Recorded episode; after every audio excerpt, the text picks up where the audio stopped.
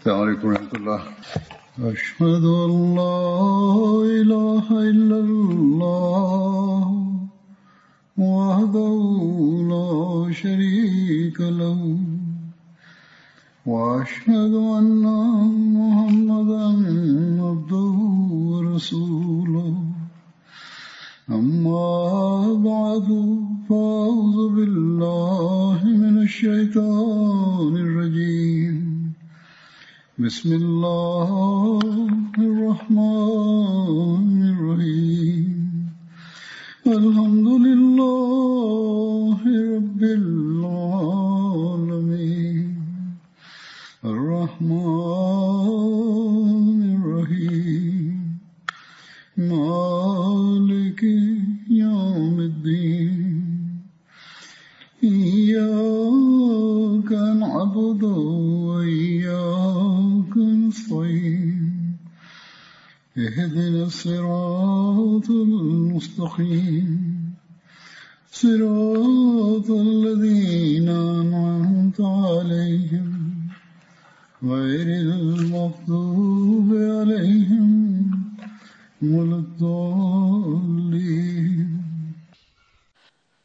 2023ခုနှစ်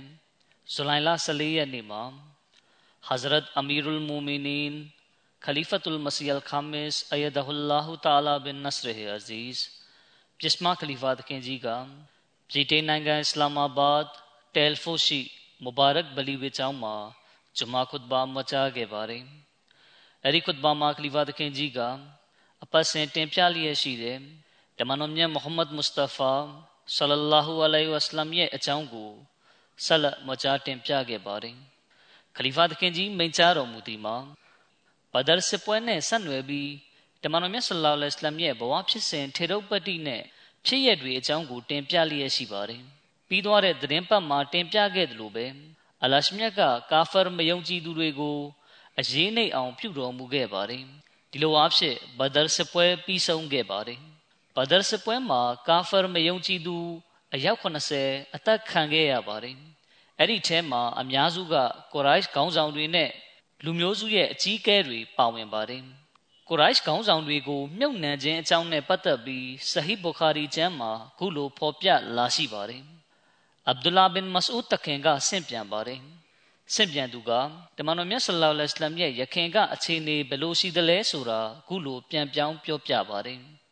တမန်တော်မြတ်ဆလ္လာလဟ်အလိုင်းကကာဘာကျောင်းတော်အနီးဝန်းကျင်၌နမတ်ဝပြုနေစဉ်ကိုရိုက်တို့အတွင်းမှလူအချို့၏သွေးထိုးလှုံ့ဆော်ပေးမှုကြောင့်၎င်းတို့ထဲကအလွန်ယုံညံ့သူတဦးကတမန်တော်မြတ်ဆလ္လာလဟ်အလัยဟ်ဆဂျဒါဥချနေသည့်အချိန်တွင်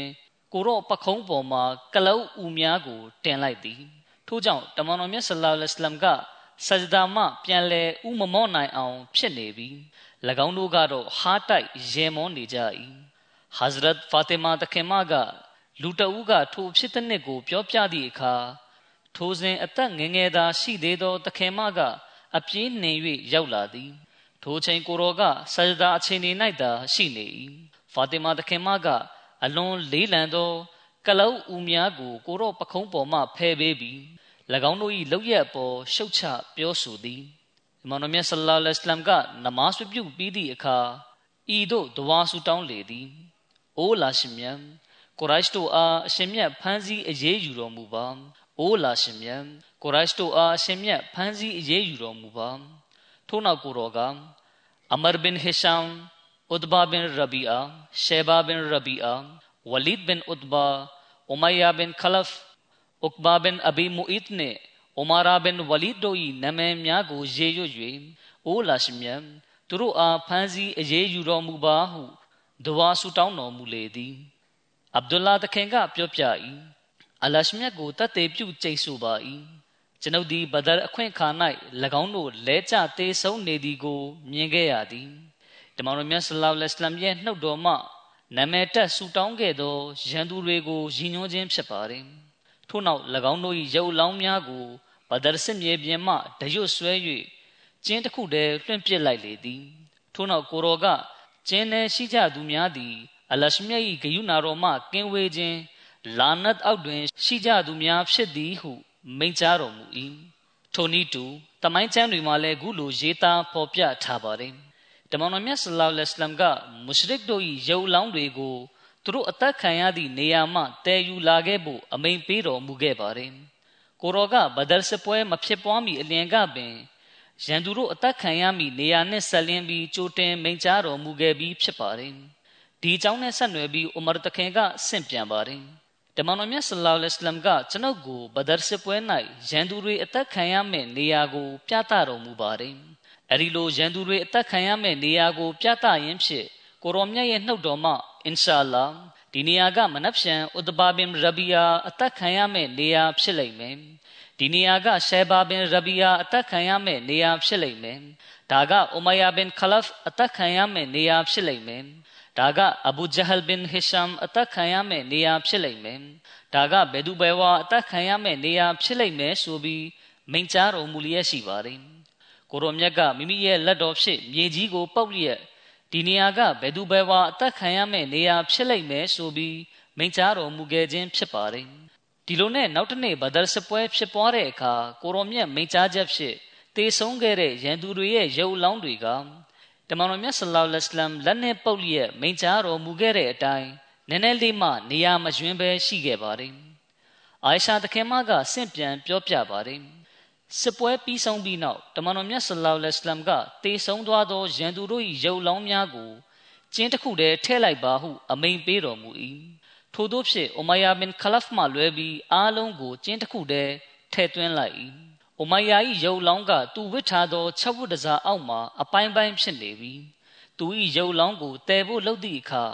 သူခန္ဓာကိုယ်မှအပိုင်းပိုင်းဖြစ်နေသောအသားစာများအောက်သို့ပြုတ်ကျလာ၏။ထို့ကြောင့်အိုမိုင်ယာကိုသူတေဆုံးသည့်နေရာ၌ပင်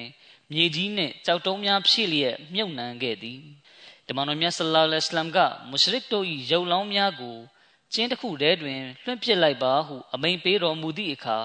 ဥစွာဥဒဘာဘင်ရဘီယာ၏ရုပ်လောင်းကိုတည်ပြီးကျင်းနဲ့ပြစ်ချလိုက်၏ထိုအခါတမန်တော်မြတ်ဆလ္လာလဟ်အလัยဟ်ကဥဒဘာ၏တာဟောဇိုင်ဖာတခင်၏မျက်နှာ၌ဝမ်းနေသည့်အရေးရောင်ကိုမြင်တော်မူသောအခါကိုရောကအိုးအဘူဟူဇိုင်ဖာတင်းစိတ်ထဲတွင်တင်းဖခင်နှင့်ပတ်သက်ပြီးအတွေးတချို့ရှီကောင်းရှိနိုင်၏ဟုမိန့်ကြားသည်ဟိုဇိုင်ဖာတခင်က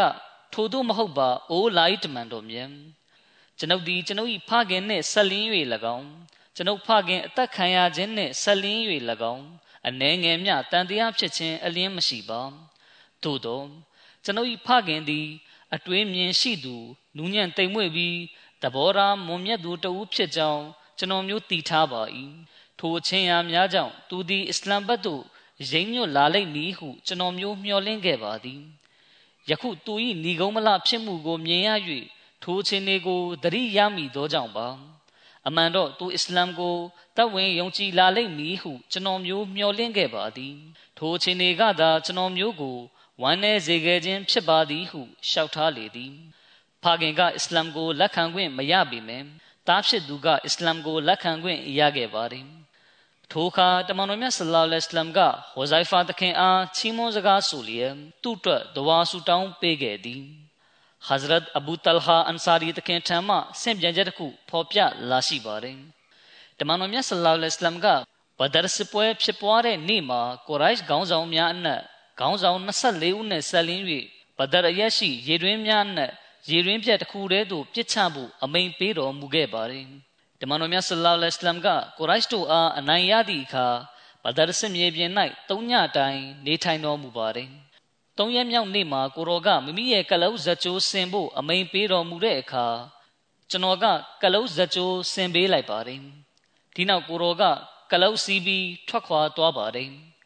တာဝကတော်တွေကလည်းကိုရောနဲ့အတူလိုက်ပါသွားခဲ့ပါတယ်ကျွန်တော်တို့ကကိုရောအခြားရည်ရွယ်ချက်တစ်ခုခုနဲ့ထွက်ခွာသွားတာလို့ထင်ခဲ့ပါတယ် ဒါပေမဲ့ကိုရောကကာဖာမယုံကြည်သူတွေကိုမြုပ်နှံဖို့ပြစ်ချထားတဲ့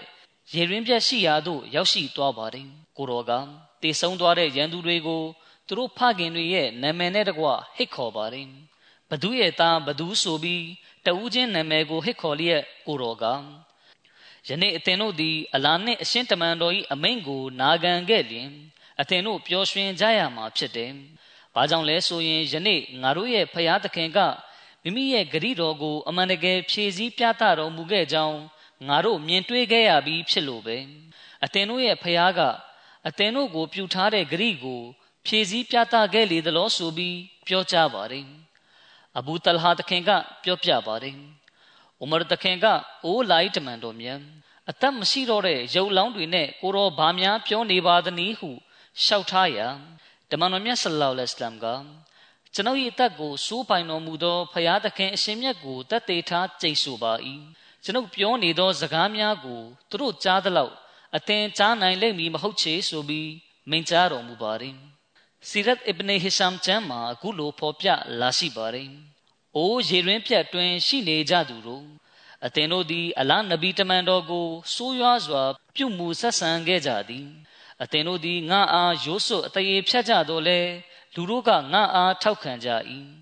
အသင်တို့သည်ငါအားမိမိတို့အိမ်မှနှင်ထုတ်ကြတော့လေလူတို့ကငါအားခိုလုံခွင့်ပေးကြသည်အသင်တို့ကငါနှင့်စစ်ခင်းကြတော့လေလူတို့ကငါအားကူညီကြသည်ဒီနောက်ကိုရောကဟလ်ဝဂျဒ်တုမ်မာဝအဒကုမလ္လာဟူဟက္ကာအလာရှိမြတ်ကငါကိုအကြောင်းခံပြီးအသင်တို့နှင့်ဆက်လင်း၍ပြုတော်မူခဲ့သောဂရိတော်သည် အမှန်တကယ်ပြည့်စုံခဲ့ပြီကို အသင်တို့မမြင်တွေ့ပေသလိုဆိုပြီးမိန့်ကြားတော်မူပါတယ်ဒီကြောင့်နဲ့ဆက်နွယ်ပြီးမီရဇာဘရှိရာမတ်ဆာဟစ်ရဒီအလာဟူအန်နူတခင်ကစီရတ်ခါတမန်နဘီကျမ်းမှာအခုလိုရေးသားဖော်ပြထားပါတယ်ဘဒရ်စပွဲမှာမပြန်မီတမန်တော်မြတ်ဆလ္လာလဟ်အလัยဟ်ကကိုရိုက်ခေါင်းဆောင်များကိုမြုပ်နှံထားသောရေရင်းပြက်ရှိရာသို့ကြွမြန်းပြီးထိုရေရင်း၌မြုပ်နှံထားသော လူတဦးချင်း၏နာမည်ကိုဟစ်ခေါ်လျက်မိန့်ကြားတော်မူသည်မှာဟလ်ဝဂျဒ်တုမ် မာဝအဒကုမလ္လာဟူဟက္ကန်ဖအင်နီဝဂျဒ်တူမာဝအဒနီအလ္လာဟူဟက္ကာဆိုလိုဒီမှာအလရှမြတ်ကငါ့ကိုအကြောင်းခံပြီးအသင်တို့နှင့်ဆက်လင်း၍ပြုတော်မူခဲ့သောဂရိတော်သည်အမှန်တကယ်ပြည့်စုံခဲ့ပြီကိုအသင်တို့မမြင်တွေ့ပေသလောငါအားအရှင်မြတ်ပြုတော်မူခဲ့သော ထိုဂရိတော်အမှန်တကယ်ပြည့်စုံခဲ့ပြီဖြစ်ကြောင်းငါမြင်တွေ့ခဲ့ရလေပြီ ထို့နောက်တမန်တော်မြတ်ဆလ္လာလဟ်အလัยဟ်ကဆက်လက်မိန့်ကြားတော်မူ၏ယာအဟလလ်ကလီဘီဘေဆာအရှိရတ်န်နဘီကွန်တုမ်လီနဘီယီကွမ်ကဇဘတူမူနီဝဆဒကနီယန်နာဆူဝအခရဂျတူမူနီဝအာဝါနီယန်နာဆူဝကာတလ်တူမူနီဝနဆရနီယန်နာဆူဆိုလိုဒီမှာအိုးရေရင်းဖြတ်အတွင်း၌တေဆုံးနေကြသူတို့ အသင်တို့သည်မိမိတို့အတွင်းပွင့်ပေါ်လာသောနဗီတမန်တော်အပေါ်အလွန်ဆိုးရွားစွာ ပြုမှုဆက်ဆံခဲ့ကြသည်အသင်တို့သည်ငါအားလိန်ညာသူဟုရိုးစွသမုတ်ကြပြီးအခြားသူများကတော့ငါအားထောက်ခံကြသည်အသင်တို့သည်ငါအားမွေးရမြေမှနှင်ထုတ်ခဲ့ကြပြီးအခြားသူများကတော့ငါအားခိုလုံခွင့်ပေးခဲ့ကြသည်အသင်တို့သည်ငါနှင့်ဆန့်ကျင်၍စစ်ခင်းခဲ့ကြပေမယ့်အခြားသူများကငါအားကူညီခဲ့ကြသည် ဥမရတခင်ကအိုလာဤတမန်တော်မြတ်၎င်းတို့သည်သူသေးများဖြစ်ကြရာ ကိုရော့စကားကိုမိတို့ကြားနိုင်ပါမည်နည်းဟုလျှောက်ထားလေသည်တမန်တော်မြတ်ဆလ္လာလဟ်အလัยဟ်ကသူတို့သည်ငါစကားကိုအသင်တို့ထပ်ပို့ပြီးကြားကြပါလိမ့်မည်ဆိုလိုသည်မှာသူတို့သည်အလုံးစုံသောအမှန်တရားကိုမျက်ဝါးထင်ထင်မြင်တွေ့ရသောအခြေအနေသို့ရောက်ရှိသွားလေပြီယခုသူတို့ရှိတွင် မိသည့်အဖုံးကာမြမရှိတော့ပြီဟု ပြန်လည်ဖြေကြားတော်မူ၏တမန်တော်မြတ်ဆလ္လာလဟ်အလัยဟ်အထပ်ပါမိန့်ကြားချက်စကားလုံးများတွင်အံဖွဲနာကျင်ခံစားမှုများရောပြွန်တိမ်မြုပ်လျက်ရှိပေ၏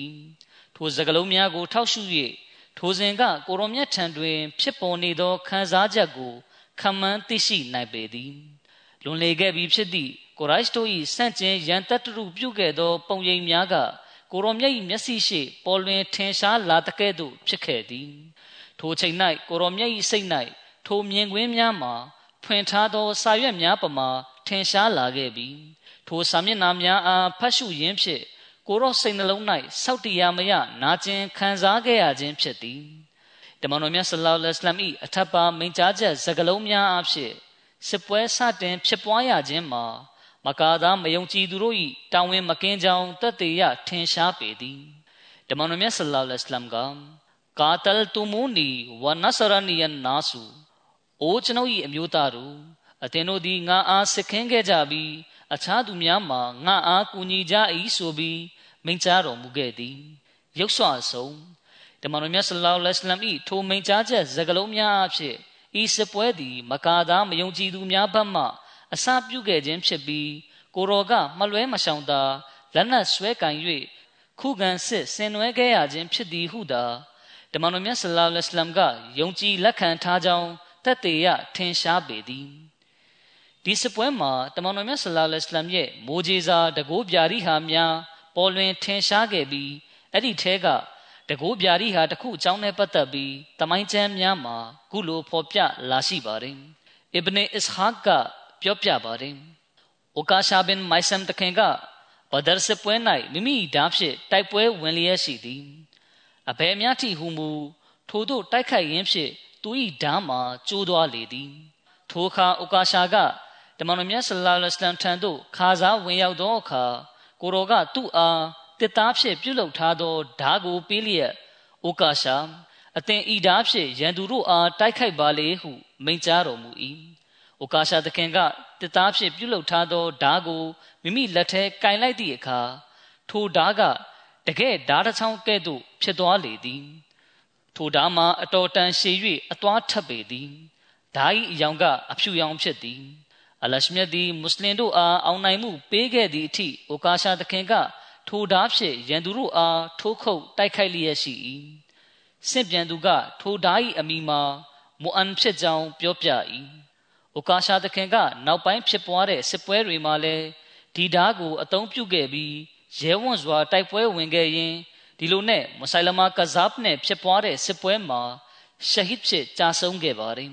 ။လိုအာဘေဒဟန်ဆိုတဲ့မိုဂျေဇာတကူပြာရီဟာအကြောင်းနဲ့ပတ်သက်ပြီးဖော်ပြလာရှိပါတယ်။ဟဇရတ်ကတာဒါတခင်ကဆင့်ပြန်ပါတယ်။ဘဒရစစ်ပွဲဖြစ်ပွားတဲ့နေ့မှာသူ့ရဲ့မျက်စိထိခိုက်မိသွားပါတယ်။ ဒီလိုကြောင့်မျက်စိကကျွတ်ထွက်သွားပါတယ်။ဒီအခါသူကသူ့မျက်စိကိုအောက်ကိုပြစ်ချဖို့လုပ်ပါတယ်။တာဝကတော်တွေကတမန်တော်မြတ်ဆလ္လာလဟ်အလัยဟ်ကိုဒီအခြေအနေနဲ့ပတ်သက်ပြီးတင်ပြလျှောက်ထားတဲ့အခါကိုတော်ကထို့သို့မလုတ်လေနှင်းဆိုပြီးမိန့်ကြားတော်မူပါတယ်။ကိုတော်မြတ်ကကတာတာသခင်ကိုမိမိထံသို့ခေါ်လိုက်ပါတယ်။ဒီနောက်ကိုတော်ကကတာတာသခင်ရဲ့မျက်စိကိုမိမိရဲ့လက်ဖွားပေါ်တင်လျက်နေရာကြပြန်ထည့်ပေးလိုက်ပါတယ်။ကတာတာသခင်ကပြောပြပါတယ်။ မျက်စိထိခိုက်မှုဖြစ်ခဲ့တဲ့ဆိုတာကိုတော့ကျွန်တော်မမှတ်မိတော့ပါဘူးဆိုလိုတာကမျက်စိကျွတ်ထွက်သွားသလားဆိုတာတော့မမှတ်မိတော့တဲ့အထိဖြစ်သွားပါတယ်ဒါတွေမကအဲ့ဒီမျက်စိကတစ်ဖက်မျက်စိထက်တောင်ပိုပြီးလှပနေပါတယ်တချို့ကျမ်းတွေမှာမျက်စိကျွတ်သွားတဲ့ဖြစ်ရကအဟုတ်စပွဲမှာဖြစ်ပျက်ခဲ့ကြောင်းဖော်ပြကြပြီးတချို့ကျမ်းတွေမှာခန္ဒက်စပွဲမှာဖြစ်ပျက်ခဲ့တယ်လို့ဖော်ပြကြပါတယ်မိတို့ဆိုစဉ် ဒါကပဒရစပွဲမှာပေါ်ပေါက်ခဲ့တဲ့မိုးကြီးစာတကိုးပြာရိဟာဆိုင်ရာ ဖြစ်ရတစ်ခုပဲဖြစ်ပါတယ်မကာမျိုးတို့မယုံကြည်သူတို့ရှုံးနိမ့်သွားပြီဆိုတဲ့သတင်းကဘလို့ရောက်ရှိသွားပါသလဲဒီကြောင်းနဲ့ဆက်နွယ်ပြီးခုလိုဖော်ပြလာရှိပါတယ်မုရှရစ်တွေဟာဘဒရ်စစ်မြေပြင်မှအစည်းပြေလျက်ကစင်ကလေးအားထွက်ပြေးကြရင်ကြောက်လန့်တကြားမကာဘတ်တို့ဥတီလိုက်ကြပါတယ်ဒီနောက်သူတို့ဟာဘယ်လိုမျက်နာနဲ့မကာတို့ဝင်ရမလဲဆိုပြီး ရှက်ရွံ့ထိတ်လန့်နေကြပါတယ်ပထမဦးဆုံးကိုရိုက်စ်တို့စစ်ရှုံးတဲ့တဲ့ကိုယူဆောင်လျက်ဝင်ရောက်လာသူကတော့ဟစ်မန်ဘင်အာယာစ်ဘင်အဗ်ဒူလာဖြစ်ပါတယ်။နောက်ပိုင်းမှာသူကမွတ်စလင်ဖြစ်လာပါတယ်။လူတွေကသူ့ကိုဘာတဲ့ထူးလဲလို့မေးကြတဲ့အခါသူကဥဒဘာဘင်ရဘီအာရှေဘာဘင်ရဘီအာအဘူလ်ဟကမ်ဘင်ဟီရှမ်အဘူဂျဟလ်အိုမယာဘင်ခလဖ်နဲ့အခြားခေါင်းဆောင်တွေရဲ့နာမည်ကိုရေရွတ်လျက်စသူတို့အားလုံး အသက်ခံလိုက်ရပြီလို့ပြောလိုက်ပါတယ်။ဟစ်မန်ကအသက်ခံရသူတွေထဲကကိုရိုက်ခေါင်းဆောင်တွေရဲ့စည်ရင်ကိုအရေးတွက်တဲ့တကွပြောတဲ့အခါလူတွေကသူ့စကားကိုမယုံနိုင်အောင်ဖြစ်ခဲ့ပါတယ်လူတွေကြားမှာထိုင်နေတဲ့ဆဖဝမ်ဘင်အိုမိုင်ယာကသူ့ရဲ့စကားကိုကြားတဲ့အခါသူပြောတာကိုငါနားမလည်ဘူးဒီလူယူသွားပြီနဲ့တူတယ်ဆိုပြီးပြောပါတယ်ဆဖဝမ်ဘင်အိုမိုင်ယာရောဘယ်မှာလဲဆိုတာမေးကြည့်စမ်းပါအောင်ဆိုပြီး ထင်းငော့ပြောဆိုပါတယ်သူကမိမိရောဘယ်မှာလဲဆိုပြီးသတင်းယူလာတဲ့သူကိုထင်းငော့မေးခိုင်းခြင်းဖြစ်ပါတယ်လူတွေကသတင်းယူလာသူကိုဆဖဝမ်ဘင်အိုမိုင်ယာယောဘာဖြစ်သွားပါသနည်းဆိုပြီးမေးလိုက်ပါတယ်ဒီခါသူကဟိုမှာထိုင်နေတယ်ငါမယူဘူးငါအားလုံးကိုသိတယ်ဖျားသခင်ကိုချိန်ပြီးပြောမယ်သူ့အဖေနဲ့အကိုအသက်ခံခဲ့ရတာကိုငါမျက်စိနဲ့မြင်ခဲ့ရတယ်ဆိုပြီးပြန်ဖြေပါတယ် ဒီခါမှာလူတွေကဒီလူဟာသတင်းအမှန်ပေးနေတာဖြစ်တယ်ဆိုတာကိုနားလည်လိုက်ပါတယ်အချုပ်ဆိုရလင်မကာသားတွေဟာဘဒရ်စစ်မြေပြင်မှဆစ်ရှုံး၍ဆုတ်ခွာထွက်ပြေးလာကြတယ်ဆိုတဲ့သတင်းကိုကြားတဲ့အခါသူတို့ပေါ်အလွန်ဆိုးကျိုးတက်ရောက်မှုဖြစ်စေခဲ့ပါတယ်ဘယ်လောက်ထိအောင်လဲဆိုရင်စစ်ပွဲမှာတေဆုံးသွားသူတွေအတွက်အော်ဟစ်ငိုကြွေးလျက်ဝမ်းနေကြောင်ဖော်ထုတ်မှုမပြုဖို့တားမြစ်ခဲ့ရတဲ့အထီးပဲဖြစ်ပါတယ် ဒီလိုအားဖြင့်မိမိတို့ရဲ့အခုလိုအော်ဟစ်ငိုကြွေးနေတာကိုမြင်ပြီးမွတ်စလင်တွေဝမ်းမြောက်ဖို့အခွင့်အရေးမရစေအောင်ဖြစ်ပါတယ်မကာဒါကိုရိုက်တွေထဲမှတချို့ကတေဆုံးသွားတဲ့မိမိတို့သားချင်းတွေအတွက်အော်ဟစ်ငိုကြွေးကြပါတယ်ဒီခါတခြားလူတွေကမငိုကြနဲ့အကယ်၍မိုဟမ္မဒ်ဆလ္လာလဟ်အလัยဟိဝါစလမ်နဲ့သူ့ရဲ့နောက်လိုက်နောက်ပါတွေကဒီသတင်းကိုကြားရင်ပျော်ရွှင်ဝမ်းမြောက်နေကြလိမ့်မယ်။ဒါပြင်အသင်တို့ရဲ့အပေါင်းဖော်တွေထဲက အကျဉ်းသားဖြစ်ဖမ်းဆီးခံထားရသူတွေကိုလွှတ်ပေးဖို့လဲတဦးကိုဆေလွတ်တာမျိုးလဲမလုပ်ကြနဲ့။မွတ်စလင်တွေရဲ့တိုက်ခိုက်မှုကိုသာမျက်ချီမပြတ်ကြည့်ရှုနေကြပါ။ဒီလိုအားဖြင့်မိုဟမ္မဒ်ဆလ္လာလဟ်အလัยဟိဝါစလမ်နဲ့သူ့ရဲ့နောက်လိုက်နောက်ပါတွေကဖီဒီယာစစ်ရောကြီးကိစ္စနဲ့ပတ်သက်ပြီးအသင်တို့ကိုတင်းကျပ်မှုမျိုးမလုပ်လာစေဖို့ပဲဖြစ်တယ်ဆိုပြီးပြောကြပါတယ်။တေသူတွေအတွက်ငိုကြွေးခြင်းဖမ်းဆီးခံရတဲ့အကျဉ်းသားတွေကိုလွှတ်ပေးဖို့တောင်းဆိုခြင်း စတာတွေမပြုလုပ်ဖို့လူတွေကတားမြစ်ကြခြင်းဖြစ်ပါတယ်။မဒီနာသားတွေထံစစ်အောင်နိုင်ကြောင်းသတင်းကဘယ်လိုရောက်ရှိခဲ့သလဲ။မကာသားတွေပေါ်သူတို့ရဲ့တုံ့ပြန်ပုံကဘယ်လိုရှိခဲ့သလဲစတဲ့အကြောင်းအရာတွေနဲ့ပတ်သက်ပြီးရေးသားပါတယ်။တမန်တော်မြတ်ဆလ္လာလဟ်အလัยဟိဝါစလမ်ကဟဇရတ်အဗ်ဒူလာဘင်ရဝါဟာတခင်ကိုမဒီနာမြို့အရှိဘက်ကို၎င်းဟဇရတ်အိုဆိုင်ဒ်ဘင်ဟာရီဆာကိုမဒီနာမြို့အနောက်ဘက်သို့၎င်း အလရှမြတ်ကမိမိရဲ့တမန်တော်ကိုကူညီဆောင်မတော်မူလျက်စစ်ပွဲတွင် အောင်နိုင်စေခဲ့ကြောင်းသတင်းကောင်းပါရန်ဆေလွတ်လိုက်ပါတယ်ဟဇရတ်အိုဆာမာဘင်ဇိုက်တခင်ကပြောပြပါတယ်ကျွန်တော်တို့ဟာစစ်အောင်နိုင်ကြောင်းသတင်းကိုကြားသိရတဲ့အချိန်ကဟဇရတ်ဥစမန်ဘင်အဖန်တခင်ရဲ့ဇနီးတမန်တော်မြတ်ဆလ္လာလဟ်အလိုင်းရဲ့တမီးတော်ဟဇရတ်ရုကာယာတခင်မရဲ့ကဘာအုပ်ကူမှာမြေဖို့ပေးနေခြင်းဖြစ်ပါတယ်။ ဘဒရ်စပွဲဖြစ်ပွားနေခြင်းမှာရုကာယာတခင်မကကွယ်လွန်သွားခဲ့ပါတယ်။တမန်တော်မြတ်ဆလ္လာလဟ်အလัยဟ်ကကျွန်တော်ကိုလည်းဥစမန်တခင်နဲ့အတူရုကာယာတခင်မရဲ့အခြေအနေကိုသတင်းမေးမြန်းရန်နောက်တွင်နေရစ်စေခဲ့ပါတယ်။ကျွန်တော်ရဲ့ဖခင်ဇိုက်ဘင်ဟာရီဆာရှိရာသို့ရောက်ရှိတဲ့အချိန်မှာလူတွေကကျွန်တော်ဖခင်အနားမှာဝန်ရံနေကြပါတယ်။ထိုအခါလူတို့ကဥဒဘာဘင်ရဘီအာရှေဘာဘင်ရဘီအာအဘူဂျဟလ်ဘင်ဟီရှမ် ဇမာဘင်အစဝဒ်အဘူလ်ဘခတရီအာစ်ဘင်ဟီရှမ်ဥမယာဘင်ခလဖ်ခဂျာဂျေတာနာဦးဖြစ်တဲ့နိုဘိုင်းနဲ့မွနဘစ်စသူတို့ကိုတပ်ဖြတ်တုတ်တင်နိုင်ခဲ့ကြောင်းပြောနေကြပါတယ်တစ်ဖက်မှာမဒီနာသားတွေရဲ့အခြေအနေကအခုလိုရှိနေပေမဲ့အခြားတစ်ဖက်မှာမွနာဖစ်တွေနဲ့ယဟူဒီတို့ကမွတ်စလင်တွေဟာအတုံးယုံကြာရှုံးသွားကြပြီဆိုပြီးမမှန်မကန်ဝါဒဖြန့်ထားကြပါတယ်။ ဒါတွေမကတမန်တော်မြတ်ဆလ္လာလဟ်အလัยဟ်လည်းပဲစစ်ပွဲမှာအသက်ခံခဲ့ရတယ်ဆိုပြီးတပုတ်လေလွင့်ပြောဆိုထားကြပါတယ်။ထို့သို့ထင်အောင်ထင်မှားဖြစ်နေတဲ့အခိုက်အတန့်မှာဇိုက်တခင်ကတမန်တော်မြတ်ဆလ္လာလဟ်အလัยဟ်ရဲ့ကလောက်ကိုစီးနှင်းလျက်မဒီနာမြို့သို့ဝင်ရောက်လာပါတယ်။ဒီခါမှာယဟူဒီတွေနဲ့မွနာဖစ်တွေကဟိုမှာတွေ့လာမုဟမ္မဒ်ဆလ္လာလဟ်အလัยဟ်အသက်ခံလိုက်ရပြီဖြစ်တဲ့အတွက်မုဟမ္မဒ်ဆလ္လာလဟ်အလัยဟ်ရဲ့ကလအုပ်ကိုဇိုက်ကစီးနှင်းလာခြင်းဖြစ်တယ်ဆိုပြီး ထပ်ပြီးတပုတ်လေလွင့်ပြောဆိုကြပြန်ပါတယ်ဒီခါဇိုက်တခင်ကဥဒဘာလည်းအသက်ခံလိုက်ရပြီရှိုင်ဘာလည်းအသက်ခံလိုက်ရပြီအဘူဂျဟလလည်းအသက်ခံလိုက်ရပြီဥမယာလည်းအသက်ခံလိုက်ရပြီဆိုပြီးပြောလိုက်ပါတယ်ဒီခါမူနာဖစ်တွေကဒါဘယ်လိုလုပ်ဖြစ်နိုင်မှာလဲဇိုက်ခါမွတ်စလင်တွေဆစ်ရှုံးမှုကြောင့်မုဟမ္မဒ်ဆလ္လာလဟ်အလัยဟ်တခင်ကွယ်လွန်သွားခြင်းကြောင့်အတိတရိပင်မရှိတော့ဘူးထင်တယ်။ဒါကြောင့်ပဲဒီလိုစကားတွေပြောနေခြင်းဖြစ်တယ်ဆိုပြီးပြောပါတယ်။ မကာနိုင်ကိုရိုက်တွေကိုတုံ့ပြန်ပြောဆိုခဲ့တယ်လို့မျိုးမဒီနာရှိမွနာဖစ်တွေကိုလည်းပြန်လဲတုံ့ပြန်ပြောဆိုခဲ့ပါတယ်။ဟဇရတ်အိုဆာမာဘင်ဇိုက်တခင်ကဆင့်ပြန်ပါတယ်။ကျွန်ုပ်ကအကြောင်းကိစ္စအလုံးစုံကိုမဒီနာတွင်ကြားရသည်ဖြစ်ရာကျွန်ုပ်ကမိမိဖခင်ဇိုက်ဘင်ဆာဘစ်တခင်ကိုတနေရာသို့ခေါ်လာပြီးအဖေအဖေတို့ပြောနေတာတွေကအမှန်တွေပဲလားဟု၍မေးမြန်းလေသည် အဖေကလည်း အတင်ကြားသည့်အတိုင်းပင်အမှန်ဖြစ်ပါသည် ပြီးတော့အဖေပြောနေသည်မှာလည်းအမှန်တွေပဲဖြစ်သည်ဟု ပြန်ဖြေလေသည်မဒီနာသားတို့ကထိုသတင်းကိုကြားသည်နှင့်စစ်အောင်နိုင်လာသည့်မိမိတို့၏တမန်တော်မြတ်နှင့်မွတ်စလင်စစ်သည်များကိုကမ်းလှည့်ကြိုဆိုရန်အတွက်စုယုံလိုက်ကြသည်မမွတ်စလင်အားလုံးကထိုအောင်ပွဲကြောင့်အလွန်မင်းပျော်ရွှင်ဝမ်းမြောက်နေကြသည်တမန်တော်မြတ်ဆလ္လာလဟ်အလัยဟ်ပြန်အလာကိုအလွန်စိတ်အားပြင်းပြစွာစောင့်မျိုးနေကြခြင်းဖြစ်သည် ထိုစပွဲတွင်မွတ်စလင်အားလုံးမပါဝင်နိုင်ခဲ့ကြကြအကြောင်းမူမဒီနာတွင်ကြံရစ်ခဲ့သောမွတ်စလင်တို့မှာစစ်ပွဲဖြစ်မီကိုမသိရှိသောကြောင့်ဖြစ်သည်တမန်တော်မြတ်ဆလ္လာလဟ်အလัยဟ်ပြန်လာပြီးကိုတည်သောအခါမွတ်စလင်တို့ကမဒီနာမြို့ပြင်သို့ထွက်လာကြသည်ရောင်ဟာရက်တွင်တမန်တော်မြတ်ဆလ္လာလဟ်အလัยဟ်ကိုတွေ့သည်၎င်းတို့မှာပျော်မဆုံးနိုင်အောင်ဖြစ်နေကြပြီးမယုံကြည်သူကာဖာတို့အားအနိုင်ရသည့်အတွက်ကိုရော့ကိုမင်္ဂလာစကားဆိုကြသည် ထို့နောက်ကိုရောမြတ်ကမဒီနာမြို့ထဲသို့ဝင်ရောက်လာတော်မူ၏မဒီနာထဲရှိသည့်မွတ်စလင်အားလုံးကလည်းကိုရောမြတ်ကိုဝမ်းမြောက်ဝမ်းသာကြိုဆိုကြသည်ဘဒရ်စပွဲမှာရရှိတဲ့လက်ရပစ္စည်းတွေနဲ့ပတ်သက်ပြီးတမိုင်းဆင်ပြန်ချက်တွေမှာဖော်ပြလာရှိပါတယ်လက်ရပစ္စည်းတွေထဲမှာကလုတ်ကောင်ရီ150နဲ့မြင်းကောင်ရီ90ကိုရရှိခဲ့ကြပါတယ်အဲ့ဓာတွေအပြင်လက်နက်ပစ္စည်းတွေအဝတ်ထဲစားနပ်ရိက္ခာ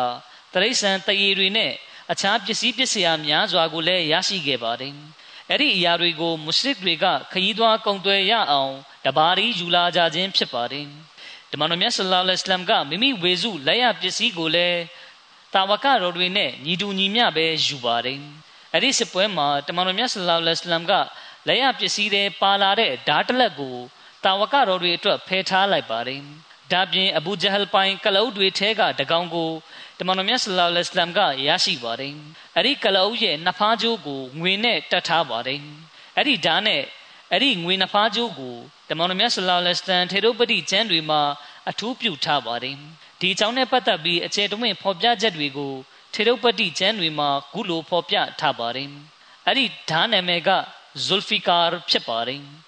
အဲ့ဒီဓာတ်ရဲ့မူလပိုင်ရှင်ကမုရှရစ်တဦးဖြစ်သူမာလစ်ဘင်မူနဝစ်ဘင်မူနဝစ်ဘင် ဟဂျာဖြစ်ပါတယ်သူကဘဒရ်စပွဲမှာအသက်ခံရပါတယ်အချို့ရှင်းပြန်ချက်တွေမှာဖော်ပြချက်ရအဲ့ဒီဓာကအဘူဂျဟလ်ရဲ့ဓာဖြစ်ပါတယ်တမန်တော်မြတ်ဆလ္လာလဟ်အလัยဟ်ကအဲ့ဒီဓာရဲ့နာမည်ကိုဇူလ်ဖီကာဆိုပြီးမှဲ့လိုက်ပါတယ်ဇူလ်ဖီကာလို့နာမည်မှဲ့ရခြင်းကအဲ့ဒီဓာမှာပါတဲ့ကနုတ်တွေကြောင့်ဖြစ်ပါတယ်အဲ့ဒီဓာကနောက်ပိုင်းကာလမှာလည်းတမန်တော်မြတ်ဆလ္လာလဟ်အလัยဟ်ထံမှာပဲရှိနေခဲ့ပါတယ် တမန်တော်မြတ်ဆလ္လာလဟ်အလัยဟ်ကစစ်ပွဲတွေမှာအဲ့ဒီဓာတ်ကိုမိမိထံမှာသာထားရှိတော်မူပါတယ်တမန်တော်မြတ်ဆလ္လာလဟ်အလัยဟ်မရှိတော့တဲ့နောက်အဲ့ဒီဓာတ်ကအဘာစီမင်းဆက်ခလီဖာတွေထံမှာရှိနေခဲ့ပါတယ်အဘူဂျဟလ်ရဲ့ကလုတ်ကလည်းဘဒရ်စစ်ပွဲပြီးမှလက်ရပစ္စည်းဖြစ်တမန်တော်မြတ်ဆလ္လာလဟ်အလัยဟ်ကရရှိခဲ့ပါတယ်ဒီလိုနဲ့ဆူလာဟူဒိုင်ဘီယာအခွင့်အခါမှာတမန်တော်မြတ်ဆလ္လာလဟ်အလัยဟ်ကအဲ့ဒီကလုတ်ကိုကုရ်ဘာနီပြုဖို့အတွက်မဒီနာကနေယူဆောင်သွားခဲ့ပါတယ် အဲ့ဒီအကြောင်းနဲ့ပတ်သက်ပြီးဖြစ်ရတစ်ခုကိုလည်းတမိုင်းကျမ်းတွေမှာဖော်ပြထားတာတွေ့ရပါတယ်အဲ့ဒီကလုတ်ကိုဟိုဒိုင်ဘီယာရက်မှာကျောင်းနေတဲ့အချိန်ကလုတ်ကထွက်ပြေးသွားပြီးမကာမှာရှိတဲ့အဘူဂျဟလ်အိမ်သို့ရောက်ရှိသွားပါတယ်အနတ်ဘင်အနမာအန်ဆာရီတခင်ကအဲ့ဒီကလုတ်နောက်သို့လိုက်ပါတယ်မကာရောက်တဲ့အခါမကာသားတွေကကလုတ်ကိုပြန်ပေးဖို့ညှင်းဆန်ကြပါတယ်ဟိုဒိုင်ဘီယာငိမ့်ချမ်းရေးစာချုပ်ချုပ်ဆိုစဉ်မှာကိုရိုက်စတိုဘတ်ကကိုယ်စားလှယ်ဖြစ်ဆောင်ရွက်တဲ့ဆူဟိုင်ဘင်အမာက မကာသားတွေကိုကလုတ်ကိုပြန်ပေးလိုက်ဖို့အမိန်ပေးပါတယ်။ဒါကြောင့်မကာသားတွေကလည်းကလုတ်ကိုပြန်ပေးလိုက်ပါတယ်။ဒီနောက်ဆိုဟိုင်ကမကာသားတွေကိုအသင်တို့ကဒီကလုတ်ကိုပြန်ပေးလိုက်ရတဲ့အတွက်ကလုတ်အကောင့်တရားပေးဖို့တောင်းဆိုပါ။အကယ်၍မွတ်စလင်တွေကဒီစည်းကမ်းချက်ကိုလက်ခံမယ်ဆိုရင်တော့ကလုတ်ကိုပြန်ပေးလိုက်ပါ။လက်မခံရင်တော့အစောကကလုတ်ကိုအတင်တို့စီမှာပဲထားရမယ်ဆိုပြီးပြောပါတယ်။ဒါကိုကြားသိတဲ့အခါတမန်တော်မြတ်ဆလ္လာလဟ်အလိုင်းမ်က အကယ်၍ဒီကလုတ်ကိုကျွန်ုပ်တို့ကကုရ်ဘာနီသားကောင်များနတ်မှထဲ့သွင်းရေတွက်ခြင်းမပြုဘူးဆိုရင်တော့အသင်တို့တောင်းဆိုတာကိုကျွန်ုပ်တို့လိုက်ရောလိုက်မှာဖြစ်ပြီးဒီကလုတ်ကိုအသင်တို့ထံပြန်ပေးမှာဖြစ်တယ်။ဒါပေမဲ့ဒီကလုတ်ကိုကုရ်ဘာနီသားကောင်ဖြစ်ရွေးချယ်ပြီးဖြစ်တာကြောင့်ခုတော့ပြန်ပေးလို့မရပါဆိုပြီးမိန့်ကြားပါတယ်။အဲဒီနောက်မှာဒီကလုတ်ကိုကုရ်ဘာနီပြုလိဖြတ်ခဲ့ပါတယ်။ တမန်တော်မြတ်ဆလ္လာလဟ်အလိုင်းကလက်ရပစ္စည်းတွေထဲကဝေစုတွေကိုဘဒရ်စစ်ပွဲမှာရှဟီဒ်ဖြစ်ကြာဆုံးသွားကြတဲ့ရှဟီဒီတွေရဲ့ကျန်ရစ်သူမိသားစုဝင်တွေထံသို့ပေးအပ်ခဲ့ပါတယ်ဒီတိုင်းပဲတမန်တော်မြတ်ဆလ္လာလဟ်အလိုင်းကဘဒရ်စစ်ပွဲဖြစ်ပွားစဉ်မဒီနာမှာကိုယ်စားလှယ်အသီးသီးခန့်အပ်ခဲ့ပါတယ်သို့မဟုတ်တချို့တာဝကတော်တွေကိုတာဝန်အသီးသီးပေးပြီးမဒီနာမှာနေရစေခဲ့ပါတယ်ဒီအတွက်ကြောင့်အဲ့ဒီတာဝကတော်တွေဟာဘဒရ်စစ်ပွဲမှာမပါဝင်နိုင်ခဲ့ကြပါဘူး သူတို့ကိုလည်းလက်ရပစ္စည်းတွေကဝေစုကိုပေးခဲ့ပါတယ်ဘဒရ်စစ်ပွဲကနေလက်ရဖမ်းဆီးမိတဲ့တုံပန်းချင်းသားတွေထံကရော်ကျေးယူပြီးလွတ်ပေးရေးကိစ္စနဲ့အဲ့ဒီပုံမှာတာဝကတော်တွေကတမန်တော်မြတ်ဆလ္လာလဟ်အလัยဟိဝါစလမ်ကိုဘယ်လိုအကြံဉာဏ်တွေပေးခဲ့ကြသလဲဆိုတဲ့အကြောင်းကိုတင်ပြပါမယ်။ဘဒရ်စစ်ပွဲမှာဖမ်းဆီးရမိတဲ့စစ်တုံးပန်းတွေကိုရော်ကျေးယူလျက်လွတ်ပေးပါတယ်။ရော်ကျေးငွေကိုဒရဟန်ငွေ4000ကနေ1000ထိသတ်မှတ်ထားပါတယ်။ ရော်ကျေးမပေးနိုင်သူတွေအနေနဲ့မဒီနာကခလေးတွေနဲ့လူငယ်တွေကိုစာရေးစာဖတ်သင်ပေးရမယ်ဒါဆိုရင်လွတ်ပေးမယ်ဆိုပြီးတတ်မှတ်ပေးပါတယ်ဒီတိုင်းပဲတချို့တုံပန်းတွေကိုရော်ချင်းငွေရှော့ယူလျက်၎င်းတချို့ကိုရော်ချင်းငွေမယူဘဲဖြစ်၎င်းလွတ်ပေးခဲ့ပါတယ်စစ်တုံပန်းတွေထံကရော်ချင်းငွေယူခြင်းနဲ့ပတ်သက်ပြီးစင့်ပြန်ချက်အသီးသီးလာရှိပါတယ်အဲ့ဒီစင့်ပြန်ချက်တွေထဲကတချို့ဟာအမှန်တွေကြီးပဲလဲမဟုတ်ပါဘူးစီရတ်ဟလ်ဘီယာချမ်းမှာလာရှိပါတယ် ဘဒရ်စပွဲမှာဖမ်းဆီးရမိတဲ့တုံပန်းတွေထံကရော်ကြီးယူခြင်းနဲ့ပတ်သက်တဲ့စင်ပြန်ချက်တွေမှာမတူကွဲပြားတာတွေကိုတွေ့ရပါတယ်။တချို့စင်ပြန်ချက်တွေကအတော်အဓိပ္ပာယ်ကင်းမဲ့တာကိုတွေ့ရပါတယ်။အမှန်တော့တမန်တော်မြတ်ဆလ္လာလဟ်အလိုင်းကတုံပန်းတွေထံကရော်ကြီးယူပြီးလွတ်ပေးတယ်ဆိုတာကအလရှမြတ်ရဲ့လမ်းညွန်ချက်နဲ့အညီပြုလုပ်ခြင်းဖြစ်ပါတယ်။အစ်ဘနီအဘာစ်တခင်ကဆင့်ပြန်ပါတယ်။ဘဒရ်စပွဲကာလတွင်မွတ်စလင်တို့က ရန်သူစစ်တုံပန်းများကိုဖမ်းဆီးသောအခါတမန်တော်မြတ်ဆလ္လာလဟ်အလိုင်းကအဘူဘကာတခင်နဲ့ဥမာတခင်အားထိုစစ်တုံးပန်းများကိုမိတို့မိဘုံ ပြုမှုရမည်အကြောင်းငါကိုတော့ကိုအကြံဉာဏ်ပြုကြပါဟုမိန့်ကြားလေသည်အဘူဘကာတခင်ကအိုးလိုက်တမန်တော်မြတ်၎င်းတို့သည်ကျွန်တော်မျိုးတို့၏ညီကိုများနှင့်ဆွေမျိုးသားချင်းများဖြစ်ကြပါသည်ထို့ကြောင့်ကိုရော၎င်းတို့ထံကရော်ချင်းငွေယူပြီးလွတ်ပေးလိုက်ပါတို့ဆိုလျင်၎င်းတို့သည်ကျွန်တော်မျိုးတို့အတွက်အင်အားဖြစ်လာပါလိမ့်မည် အလရှမြတ်က၎င်းတို့ကိုအစ္စလမ်ဘတ်သို့လမ်းညွန်နိုင်ကောင်းပါရဲ့ဟုအကြံပြုလျှောက်ထားလေသည်ထိုအခါတမန်တော်မြတ်ဆလ္လာလဟ်အလัยဟိဝါစလမ်ကအိုအစ်ဘနခတာဘ်အသင်ကရောမိတို့အကြံပြုလိုပါသနည်းဟုမေးရာဥမာတခင်ကအိုလိုက်တမန်တော်မြတ်ကျွန်တော်မျိုး၏အကြံပြုချက်မှာအဘူဘကာ၏အကြံပြုချက်နှင့်ကွဲလွဲပါသည်ထိုတုံပန်းများကိုကျွန်တော်မျိုးတို့လက်သို့အပ်လိုက်ပါကျွန်တော်မျိုးတို့၎င်းတို့၏ဥကောင်းကိုဖြတ်ပါမည်အလီလက်သို့ဒကီလ်ကိုအပ်ပါ အလီကဒကီလ်ကိုခေါင်းဖြတ်ပါလိမ့်မည်ကျွန်တော်မျိုး၏လက်သို့ကျွန်တော်မျိုးနှင့်ဆွေမျိုးနီးစပ်တော်သောထိုသူကိုအပ်ပါကျွန်တော်မျိုးကသူ၏ဥကောင်းကိုဖြတ်ပါမည်အကြောင်းမူ၎င်းတို့အားလုံးသည်မယုံကြည်သူကာဖာခေါင်းဆောင်များဖြစ်ကြသောကြောင့်ပင်ဟုအကြံပြုလျှောက်ထားလေသည်ဥမရတခင်၏အကြံပြုချက်ကိုနားထောင်ပြီးနောက်တမန်တော်မြတ်ဆလ္လာလဟ်အလัยဟိဝါစလမ်ကအဘူဘကာတခင်၏အကြံပြုချက်ကိုသာဦးစားပေးခဲ့သည်ဥမရတခင်ကပြောပြပါတယ် ကျွန်ုပ်၏စကားကိုတမန်တော်မြတ်ဆလ္လာလဟ်အလိုင်းမ်ကဦးစားပေးခဲ့ခြင်းမရှိကြ။နောက်တစ်နေ့တွင်ကျွန်ုပ်ကတမန်တော်မြတ်ဆလ္လာလဟ်အလိုင်းမ်ထံရောက်လာသောအခါတမန်တော်မြတ်ဆလ္လာလဟ်အလိုင်းမ်နှင့်အဘူဘကာတခင်ကငိုကြွေးနေကြသည်ကိုတွေ့ရလေသည်။ကျွန်ုပ်ကအိုးလိုက်တမန်တော်မြတ်မိသည့်ယာကကိုရောနှင့်ကိုရော၏အဖော်မုံကိုငိုကြွေးစေခဲ့ပါသည်။ကျွန်တော်မျိုးလည်းအတူငိုကြွေးပါမည်။ငိုလို့မရရင်လည်းငိုသည့်အတွင်ပြုတ်လောက်ပါမည်ဟုရှောက်ထားလေသည်။ တမန်တော်မြတ်ဆလ္လာလဟ်အလัยဟိဝါစလမ်ကဤသို့မိန့်ကြားလေသည်ငါကိုယ်တော်ငိုကြွေးရခြင်းမှာအဘူဘကာကကျွန်ုပ်နှင့်အသင်ရှိတွင်တုံပန်းများထံမှရော်ကြီးတောင်းပြီးပြန်လွတ်ပေးရန်အကြံပြုခဲ့သည်အမှန်ဆိုသောထိုတုံပန်းတို့အတွက်ပြစ်ဒဏ်မှာအဘယ်မျှပြင်းထန်သည်နည်းဆိုလျင်အလာဤတမန်တော်မြတ်နှင့်အနီးဆုံးတွင်ရှိသောသို့သောတစ်ပင်နှင့်ပမာပြု၍ယူပါယုံ၌ပြသခြင်းခံရသည်ထို့နောက်တွင် အောက်ပါအာယတ်ကငါကိုယ်တော်ထံကြာရောက်လာသည် မာကာနာလီနဘီယင်အိုင်ယကူနာလဟူအစရာဟတ်တာယုဇခိနာဖီလ်အရဒ်ကဘာမြေတွင်တွေးထွက်တန်ယိုတိုက်ခိုက်မှုမဖြစ်သေးသူ၍မိသည့်တမန်တော်မြတ်တုံပန်းထားရှိရန်အခွင့်မရှိကြ။ဂျမ်မြတ်ကုရ်အာန်၈ချိုး68ထို့နောက်အာယတ်နှစ်ခုအကျော်တွင် လာရှိသောအာယတ်မှာအောက်ပါတိုင်းဖြစ်သည်။ဖကူလူမင်မာဂနင်တုမ်ဟလာလန်တယီဘာတို့ဖြစ်ရာအသင်တို့ရရှိခဲ့ကြသည့် လက်ရပစ္စည်းများအနက်မှတရားဝင်သောတန်ရှင်းသောအရာများကိုစားသုံးကြကုန်ဂျမ်းမြတ်ကုရ်အာန်၈ချိုး80တို့ဖြစ်ရာအလရှမြတ်ကမွတ်စလင်တို့အတွက်လက်ရပစ္စည်းများကိုစားသုံးထိုက်သောအရာများဖြင့်တတ်မှတ်ပေးတော်မူခဲ့သည်ဒီဟဒီစ်ရဲ့အစမှာလာရှိတဲ့တမန်တော်မြတ်ဆလ္လာလဟ်အလัยဟ်နဲ့အဘူဘကာတခင်ငိုနေတယ်ဆိုတဲ့အကြောင်းနဲ့အဲ့ဒီနောက်လာတဲ့ကုရ်အာန်အာယတ်ထဲကစကားလုံးတွေကဘာကိုရည်ညွှန်းနေသလဲဆိုတာ တိတိပပမသိရှိနိုင်ပါဘူးတချို့ကဒါကိုမှန်ကန်တဲ့ဟာဒီစ်ဖြစ်ယူဆပြီးတမိုင်းကျမ်းပြုသူတွေနဲ့ဒီဂါဆရာတွေကမိမိတို့စာအုပ်တွေထဲမှာထည့်သွင်းဖော်ပြကြပါတယ်ဒီအာယတ်တွေကိုထောက်ရှုပြီး၎င်းတမိုင်းကျမ်းပြုသူတွေကဘဒရ်စပွဲမှာတမန်တော်မြတ်ဆလ္လာလဟ်အလัยဟိဝါစလမ်ကတုံပန်းတွေထံကရော်ကြီးယူပြီးလွတ်ပေးတဲ့ကိစ္စပေါ်မှာမနစ်မြို့ကြောင်းအိုမာတခင်ရဲ့အကြံပြုချက်ကိုအရှင်မြတ်ကနှစ်သက်တော်မူကြောင်း ဒီအာယတ်တော်တွေအားဖြင့်ဖော်ပြခြင်းဖြစ်တယ်လို့ယူဆကြပါတယ်။အိုမာတခင်ရဲ့ထေရုပတိကျမ်းရေးသားသူကဒီကိစ္စနဲ့ပတ်သက်ပြီးအကြောင်းအရာအခန်းကဏ္ဍတီးတန်းတစ်ခုဖွင့်ပြီးရေးသားတဲ့အခါအိုမာတခင်ရဲ့အကြံပြုချက်နဲ့အညီဘယ်အာယတ်တွေကြားရောက်လာခဲ့သလဲဆိုတာကိုရှာဖွေပြီးထုတ်နှုတ်ကြည့်တဲ့အခါအဲ့ဒီအာယတ်တွေထဲမှာဖော်ပြပါအာယတ်ကလည်းတစ်ခုပါဝင်ဖြစ်ပါတယ်။တမိုင်းပညာရှင်တွေကဒီအာယတ်ကိုထောက်ပြီး အလရှမြတ်ဟာဥမာတခင်ရဲ့ဇကားကိုဦးစားပေးခဲ့တယ်လို့ဆိုကြပါတယ်။ဒါပေမဲ့ဒီလိုယူဆခြင်းကမှားယွင်းပါတယ်။တမိုင်းဆရာတွေနဲ့ထေရုပတိကျမ်းရှင်တွေကဒီအကြောင်းကိုနားလည်မှုလွဲသွားကြခြင်းဖြစ်နိုင်ပါတယ်။မွတ်စလင်မာဦးရဒီအလာဟူအန်ဟူတခင်ကဒီအကြောင်းကိုရှင်းပြထားပါတယ်။ဒါကိုပုံနှိပ်ထုတ်ဝေခြင်းမရှိသေးတဲ့တခင်ရဲ့တဖ်စီ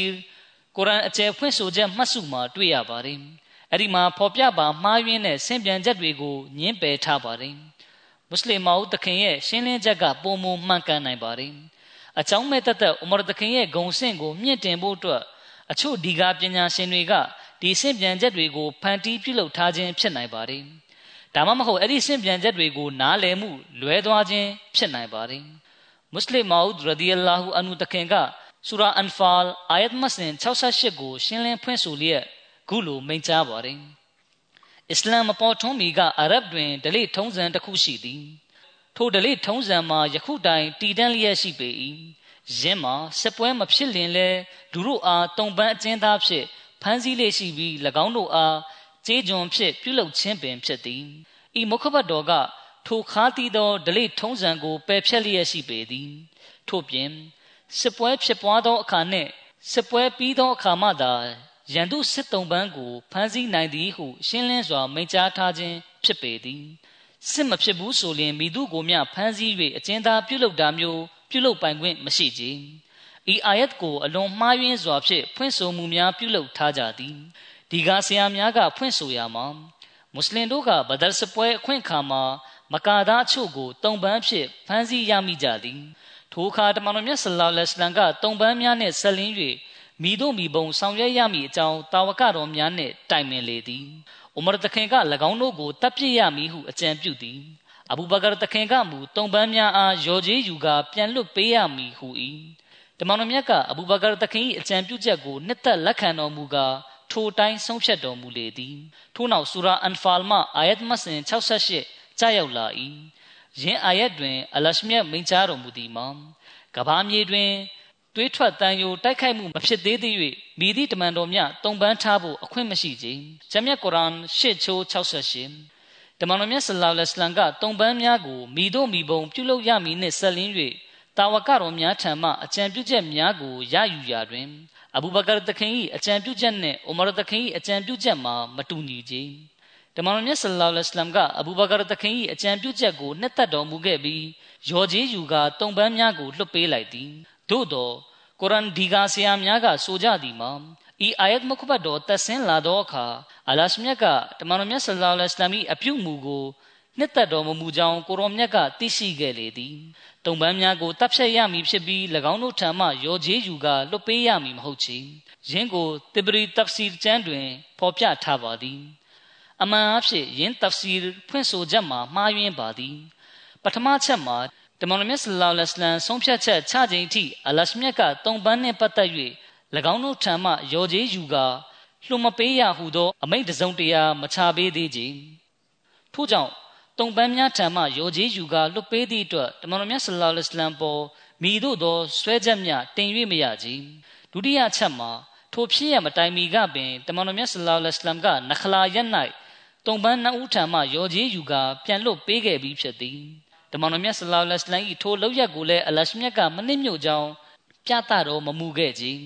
တတိယအချက်မှာဆူရာအန်ဖာလ်တဲကအာယတ်မတ်စင်80တွင်လက်ရပစ္စည်းများအနက်မှစားကြကုန်တောက်ကြကုန်ယင်းတို့မှာတရားဝင်သောအရာများဖြစ်ပြီးတန်ရှင်းသောအရာများဖြစ်ကြသည်ဟုမိန့်ကြားထားသည်တမန်တော်မြတ်ဆလောလ္လဟ်အလိုင်းကတုံပန်းများထံမှရော်ကြီးယူသည့်အတွက်အလရှမြတ်ကမနစ်မြို့မီဟုမိသူမြတွေးလိမ့်မည်မဟုတ်ချေ ထို့ပြင်တစ်ဖက်တွင် အလရှမြတ်ကရော်ကြီးယူကာလွတ်ပေးသည့်ကိစ္စကိုမနစ်မြို့ကြောင်းလဲပြောမိထို့ပြင်စစ်ပွဲမှရရှိသမျှလက်ရပစ္စည်းများစစ်တုံးပန်းများကိုလည်းတရားဝင်သောအရာနှင့်တန်ရှင်းသောအရာဟုသတ်မှတ်မိဆိုရမှာတစ်ခုနှင့်တစ်ခုဆန့်ကျင်ဘက်ဖြစ်မနေဘူးလောတို့ဖြစ်ရာဒီကဆရာများဖွင့်ဆိုသောဒီကဖွင့်ဆိုချက်ကို၌ကမှားယွင်းနေပေသည်မှန်ကန်သောတဖ်စီရမှာ ဤမုခဘတ်တော်တွင်စီးမြင့်မှုတစ်ခုကိုတတ်မှတ်ပြဋ္ဌာန်းထားခြင်းဖြစ်ပြီးယင်းမှာစစ်ပွဲဖြစ်ပွားနေသည့်ကာလမှာသာစစ်တုံးပန်းများကိုဖမ်းဆီးနိုင်ပြီးရန်သူတို့အားအပီးတိုင်အနိုင်ယူလိုက်နိုင်သောအခြေအနေတွင်စစ်တုံးပန်းများဖမ်းဆီးနိုင်၏ကုရ်အန်ဒီကာပညာရှင်တွေထဲမှာအလာမာအီမမ်ရာဇီနှင့်ကြော်ကြားတဲ့ထေရုပတိကျမ်းရှင်အလာမာရှစ်ဘလီနိုမာနီတို့ကလည်းမွတ်စလင်မာဦးရဒီအလာဟူအန်ဟူတခင်ရဲ့ ရှင်းလင်းဖွင့်ဆိုချက်အမြင်နဲ့တူညီမှုရှိကြပါတယ်။ဒါနဲ့ပတ်သက်ပြီးမီရဇာဘရှိရာမဆပ်ကလည်းရေးသားဖော်ပြထားပါတယ်။မဒီနာသို့ရောက်ရှိပြီးနောက်တမန်တော်မြတ်ဆလောလ္လဟ်အလัยဟ်ကစစ်တုံးပန်းများကိုမိတို့မိဘုံပြုလုပ်မိဆိုသည့်အကြောင်းတာဝကတော်များနှင့်တိုင်ပင်သည်။ထိုစဉ်အာရဗ်တွင်စစ်တုံးပန်းတို့အားတပ်ဖြတ်ပစ်ခြင်းသို့မဟုတ်အမြဲတမ်းအတွက်ကျွန်ပြူခြင်းဒလိမှာခက်စားနေခဲ့သည်ထိုဒလိထုံးစံကိုတမန်တော်မြတ်ဆလောလ္လဟ်အလိုင်းကမှတ်နှစ်မြို့ကြီး သို့တော်ထိုကိစ္စကိုမိတို့ဆောင်ရွက်ရမည်အကြောင်းအလရှမြတ်ထံတော်ကအမိန့်တော်လဲမကြရောက်သေးကြအဘူဘကာတခင်ကတုံပန်းများထံမှရော်ကြီးယူကာပြန်လွတ်ပေးတဲ့ကြောင်းမိတို့ပင်စိုးစေကမူ၎င်းတို့သည်ကျွန်တော်မျိုးတို့နှင့်ညီကိုတော်ဆက်သူများပင်ဖြစ်ကြောင်း၎င်းတို့ထဲကပင်အစ္စလာမ်အတွက်အသက်ဆုံးပေးဆက်မိသူများပေါ်ထွန်းလာနိုင်ကြောင်းတမန်တော်မြတ်ဆလောလ္လဟ်အလัยဟ်အားတင်ပြလျှောက်ထားသည် သို့သောအမရတခင်ကအဘူဘကာတခင်၏ထိုအကြံပြုချက်ကိုလက်မခံညှင်းဆန်ကာဆန့်ကျင်ပြီးလျင်တုံပန်းများကိုတပ်ဖြတ်ရမည်ဟု၍အကြံပြုလေသည်အမရတခင်ကအလရှမြတ်၏သာသနာတော်နှင့်ပတ်သက်သည့်အရေးကိစ္စတွင်တွေးသားတော်ဆက်မှုမရှိရကြထိုတုံပန်းများသည်သူတို့လှုပ်သည့်လောက်ရများကြောင့်တတ်ထိုက်သူများဖြစ်ခဲ့ကြပြီကျွန်ုပ်အမြင်ရတုံပန်းအလုံးကိုတပ်ဖြတ်ရပါမည်မွတ်စလင်တို့အနေနဲ့မွတ်စလင်တို့အနေနဲ့ တုံပန်းများထဲတွင်မိမိတို့နှင့်တော်ဆက်သောတတ်ဆိုင်ရာဆွေမျိုးသားချင်းများကိုမိမိတို့ကိုယ်တိုင်လက်ဖြင့်တပ်ဖြတ်ရန်အမိန်ပေးလိုက်ပါဟုအကြံပြု၏သို့သောတမန်တော်မြတ်ဆလ္လာလဟ်အလัยဟ်ကမိမိပင်ကိုတဘာဝလျောက်ဖြစ်သောတနာကျင်နာစိတ်၏လွှမ်းမိုးခြင်းကိုခံရကာအဘူဘကာတခင်၏အကြံပြုချက်ကိုသာလက်ခံတော်မူခဲ့လေသည်ထို့ကြောင့်တမန်တော်မြတ်ဆလ္လာလဟ်အလัยဟ်ကမုရှရစ်တို့အနေနှင့်ရော်ကြီးပေးလျင်၎င်းတို့အားလွတ်ပေးလိုက်ဟုအမိန့်ထုတ်ပြန်လိုက်သည် ထို့နောက်တွင်တမန်တော်မြတ်ဆလ္လာလဟ်အလัยဟ်၏ထိုအမိန့်တော်နှင့်အညီအလရှမြတ်ထံတော်မှအမိန့်တော်ကြားရောက်လာလေသည်အလရှမြတ်၏အမိန့်တော်ကလည်းတုံပန်းတို့ထံမှရော်ကြီးယူကာပြန်လွတ်ပေးရမည့်အကြောင်းကိုသာလမ်းညွှန်ထားခြင်းဖြစ်ပေရာ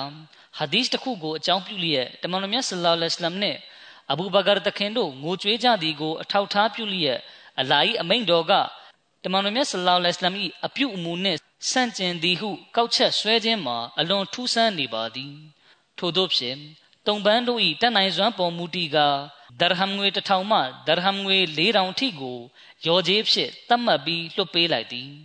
ကျန်တဲ့အပိုင်းကိုတော့နောက်ခါမှာဆက်လက်တင်ပြပါမယ်အခုကျွန်တော်အနေနဲ့ကွယ်လွန်သူတချို့အကြောင်းတင်ပြလိုပါတယ်ကွယ်လွန်သူပထမပုဂ္ဂိုလ်ကအဗ်ဒุลခမီဒ်ခန်ဆာဟစ်ဖြစ်ပါတယ်အင်နာလ illah ဝအင်နာအီလိုင်ဟီရာဂျီအွန်သူကသာသနာပြုတဦးလည်းဖြစ်တယ်လို့ နာအစ်နာဇင်မာလည်းဖြစ်ပါတယ်သူကပါကစ္စတန်နိုင်ငံမြို့ရွာဒေသအသီးသီးမှာသာသနာပြုတာဝန်ကိုထမ်းဆောင်ခဲ့သူဖြစ်ပါတယ်ဒါပြင်ယူဂန်ဒါနိုင်ငံမှာလည်းသာသနာပြုတာဝန်ကိုထမ်းဆောင်ခဲ့ပါတယ်သူကနှစ်ပေါင်း40ကြာဂျမားတွတ်တာဝန်ထမ်းဆောင်ခဲ့ပါတယ်သူမှာသားတစ်ယောက်နဲ့သမီးတစ်ယောက်ကြံရှိပါတယ်သူသားကဒိမတ်နိုင်ငံဂျမာတ်မှာခိုဒမ်ဥခရာဖြစ်တာဝန်ထမ်းဆောင်လျက်ရှိပါတယ်ယူဂန်ဒါမှာရှိစဉ်ကလည်းဟမီဒ်ခန်ဆပ်က အလွန်ထက်သန်မှုအပြည့်ဖြင့်ဂျမတ်တာဝန်တွေကိုထမ်းဆောင်ခဲ့ပါတယ်။ယူဂန်ဒါမှာပြည်တွင်းစစ်ဖြစ်တုန်းကသူဟာအလွန်ဒုက္ခအခက်ခဲနဲ့ရင်ဆိုင်ခဲ့ရပါတယ်။မိတို့ဆိုစီအလရှမြတ်ကသူ့ကိုအထူးကာကွယ်စောင့်ရှောက်တော်မူခဲ့ပါတယ်။သူဟာခလာဖတ်ပေါ်အလွန်ချစ်မြတ်နိုးပြီးတစ္ဆာစောင့်တည်သူဖြစ်ပါတယ်။ခေကာလာခလီဖာကတစုံတရာလမ်းညွန်မိန့်ကြားလိုက်ပြီးဆိုရင်အဲ့ဒါကိုချက်ချင်းအကောင့်ထဲပေါ်ဆောင်ရွက်ပါတယ်။သူကအခြားသူတွေကိုအမြဲတမ်းကူညီလေးရှိပြီး အခြားသူတွေပုံမတိုးတက်ကောင်းစားရေးကိုအမြဲတမ်းရှေ့ရှုသူဖြစ်ပါတယ်။သူဟာမိမိရဲ့ဝကဖ်ကိုလော်ကီစည်းစိမ်အားလုံးထက်တန်ဖိုးထားဦးစားပေးသူဖြစ်ပါတယ်။သူဟာအလွန်ကျင်နာတတ်သူအဝတ်ပြူငါသူနဲ့အလရှမြတ်ပေါ်မှာအပြည့်အဝတဝကုလ်ယုံကြည်ကိုးစားသူဖြစ်ပါတယ်။သူဟာအလွန်ရိုးရှင်းစွာနေထိုင်သူဖြစ်ပြီးသူပြုထားတဲ့ဝကဖ်ကိုနောက်ဆုံးထွက်သက်တိုင်းဖဖြည့်ဆည်းသွားခြင်းကြောင်းအမြဲတမ်းပြောလေးရှိပါတယ်ဒုတိယကွယ်လွန်သူက နုစရတ်ဂျဟန်အာမတ်ဆာဟီဘာဖြစ်ပါတယ်အင်နာလ illah ဝအင်နာအီလိုင်ဟီရာဂျီအွန်နုစရတ်ဂျဟန်အာမတ်ဆာဟီဘာကအမေရိကန်နိုင်ငံမှမူဘရှရာမတ်ဆာဟစ်ရဲ့ဇနီးဖြစ်ပါတယ်သူမကမိမိရဲ့ခင်မွန်းအနီးမှာပါရမီဖြည့်ဘတ်အဖြစ်အကောင်းဆုံးအလုပ်ကျွေးပြုရင်းနေထိုင်ခဲ့ပါတယ်အထူးသဖြင့်ခင်မွန်းတဲ့ဝကဖ်ပြုပြီးသာသနာပြုဖြစ်တာဝန်ထမ်းဆောင်ခြင်းကဆလို့ဖြစ်ပါတယ်သူမဟာလူတွေကိုအမြဲတမ်းကူညီပေးတတ်သူခလာဖတ်ပေါ်အလွန်မင်းချစ်မြတ်နိုးသူ ဂျမာတ်ကိုအခမ်းကဏ္ဍအသီးသီးကနေကူညီသူဖြစ်ပါတယ်အစ္စလာမ်အာမဒီယတ်သတင်းစကားဖြန့်ချီရေးလုပ်ငန်းစဉ်တွေမှာသူမကအမြဲတမ်းစိတ်အားထက်သန်စွာရှေ့တန်းကပါဝင်သူဖြစ်ပါတယ်သူမမှာသားနှစ်ယောက်နဲ့သမီးနှစ်ယောက်ကြံ့ရစ်ခဲ့ပါတယ်အလရှိမြတ်ဒီကွယ်လွန်သူနှစ်ဦးကိုခွင့်လွှတ်ချမ်းသာပြုတော်မူလျက်တနာကျင်နာတော်မူပါစေ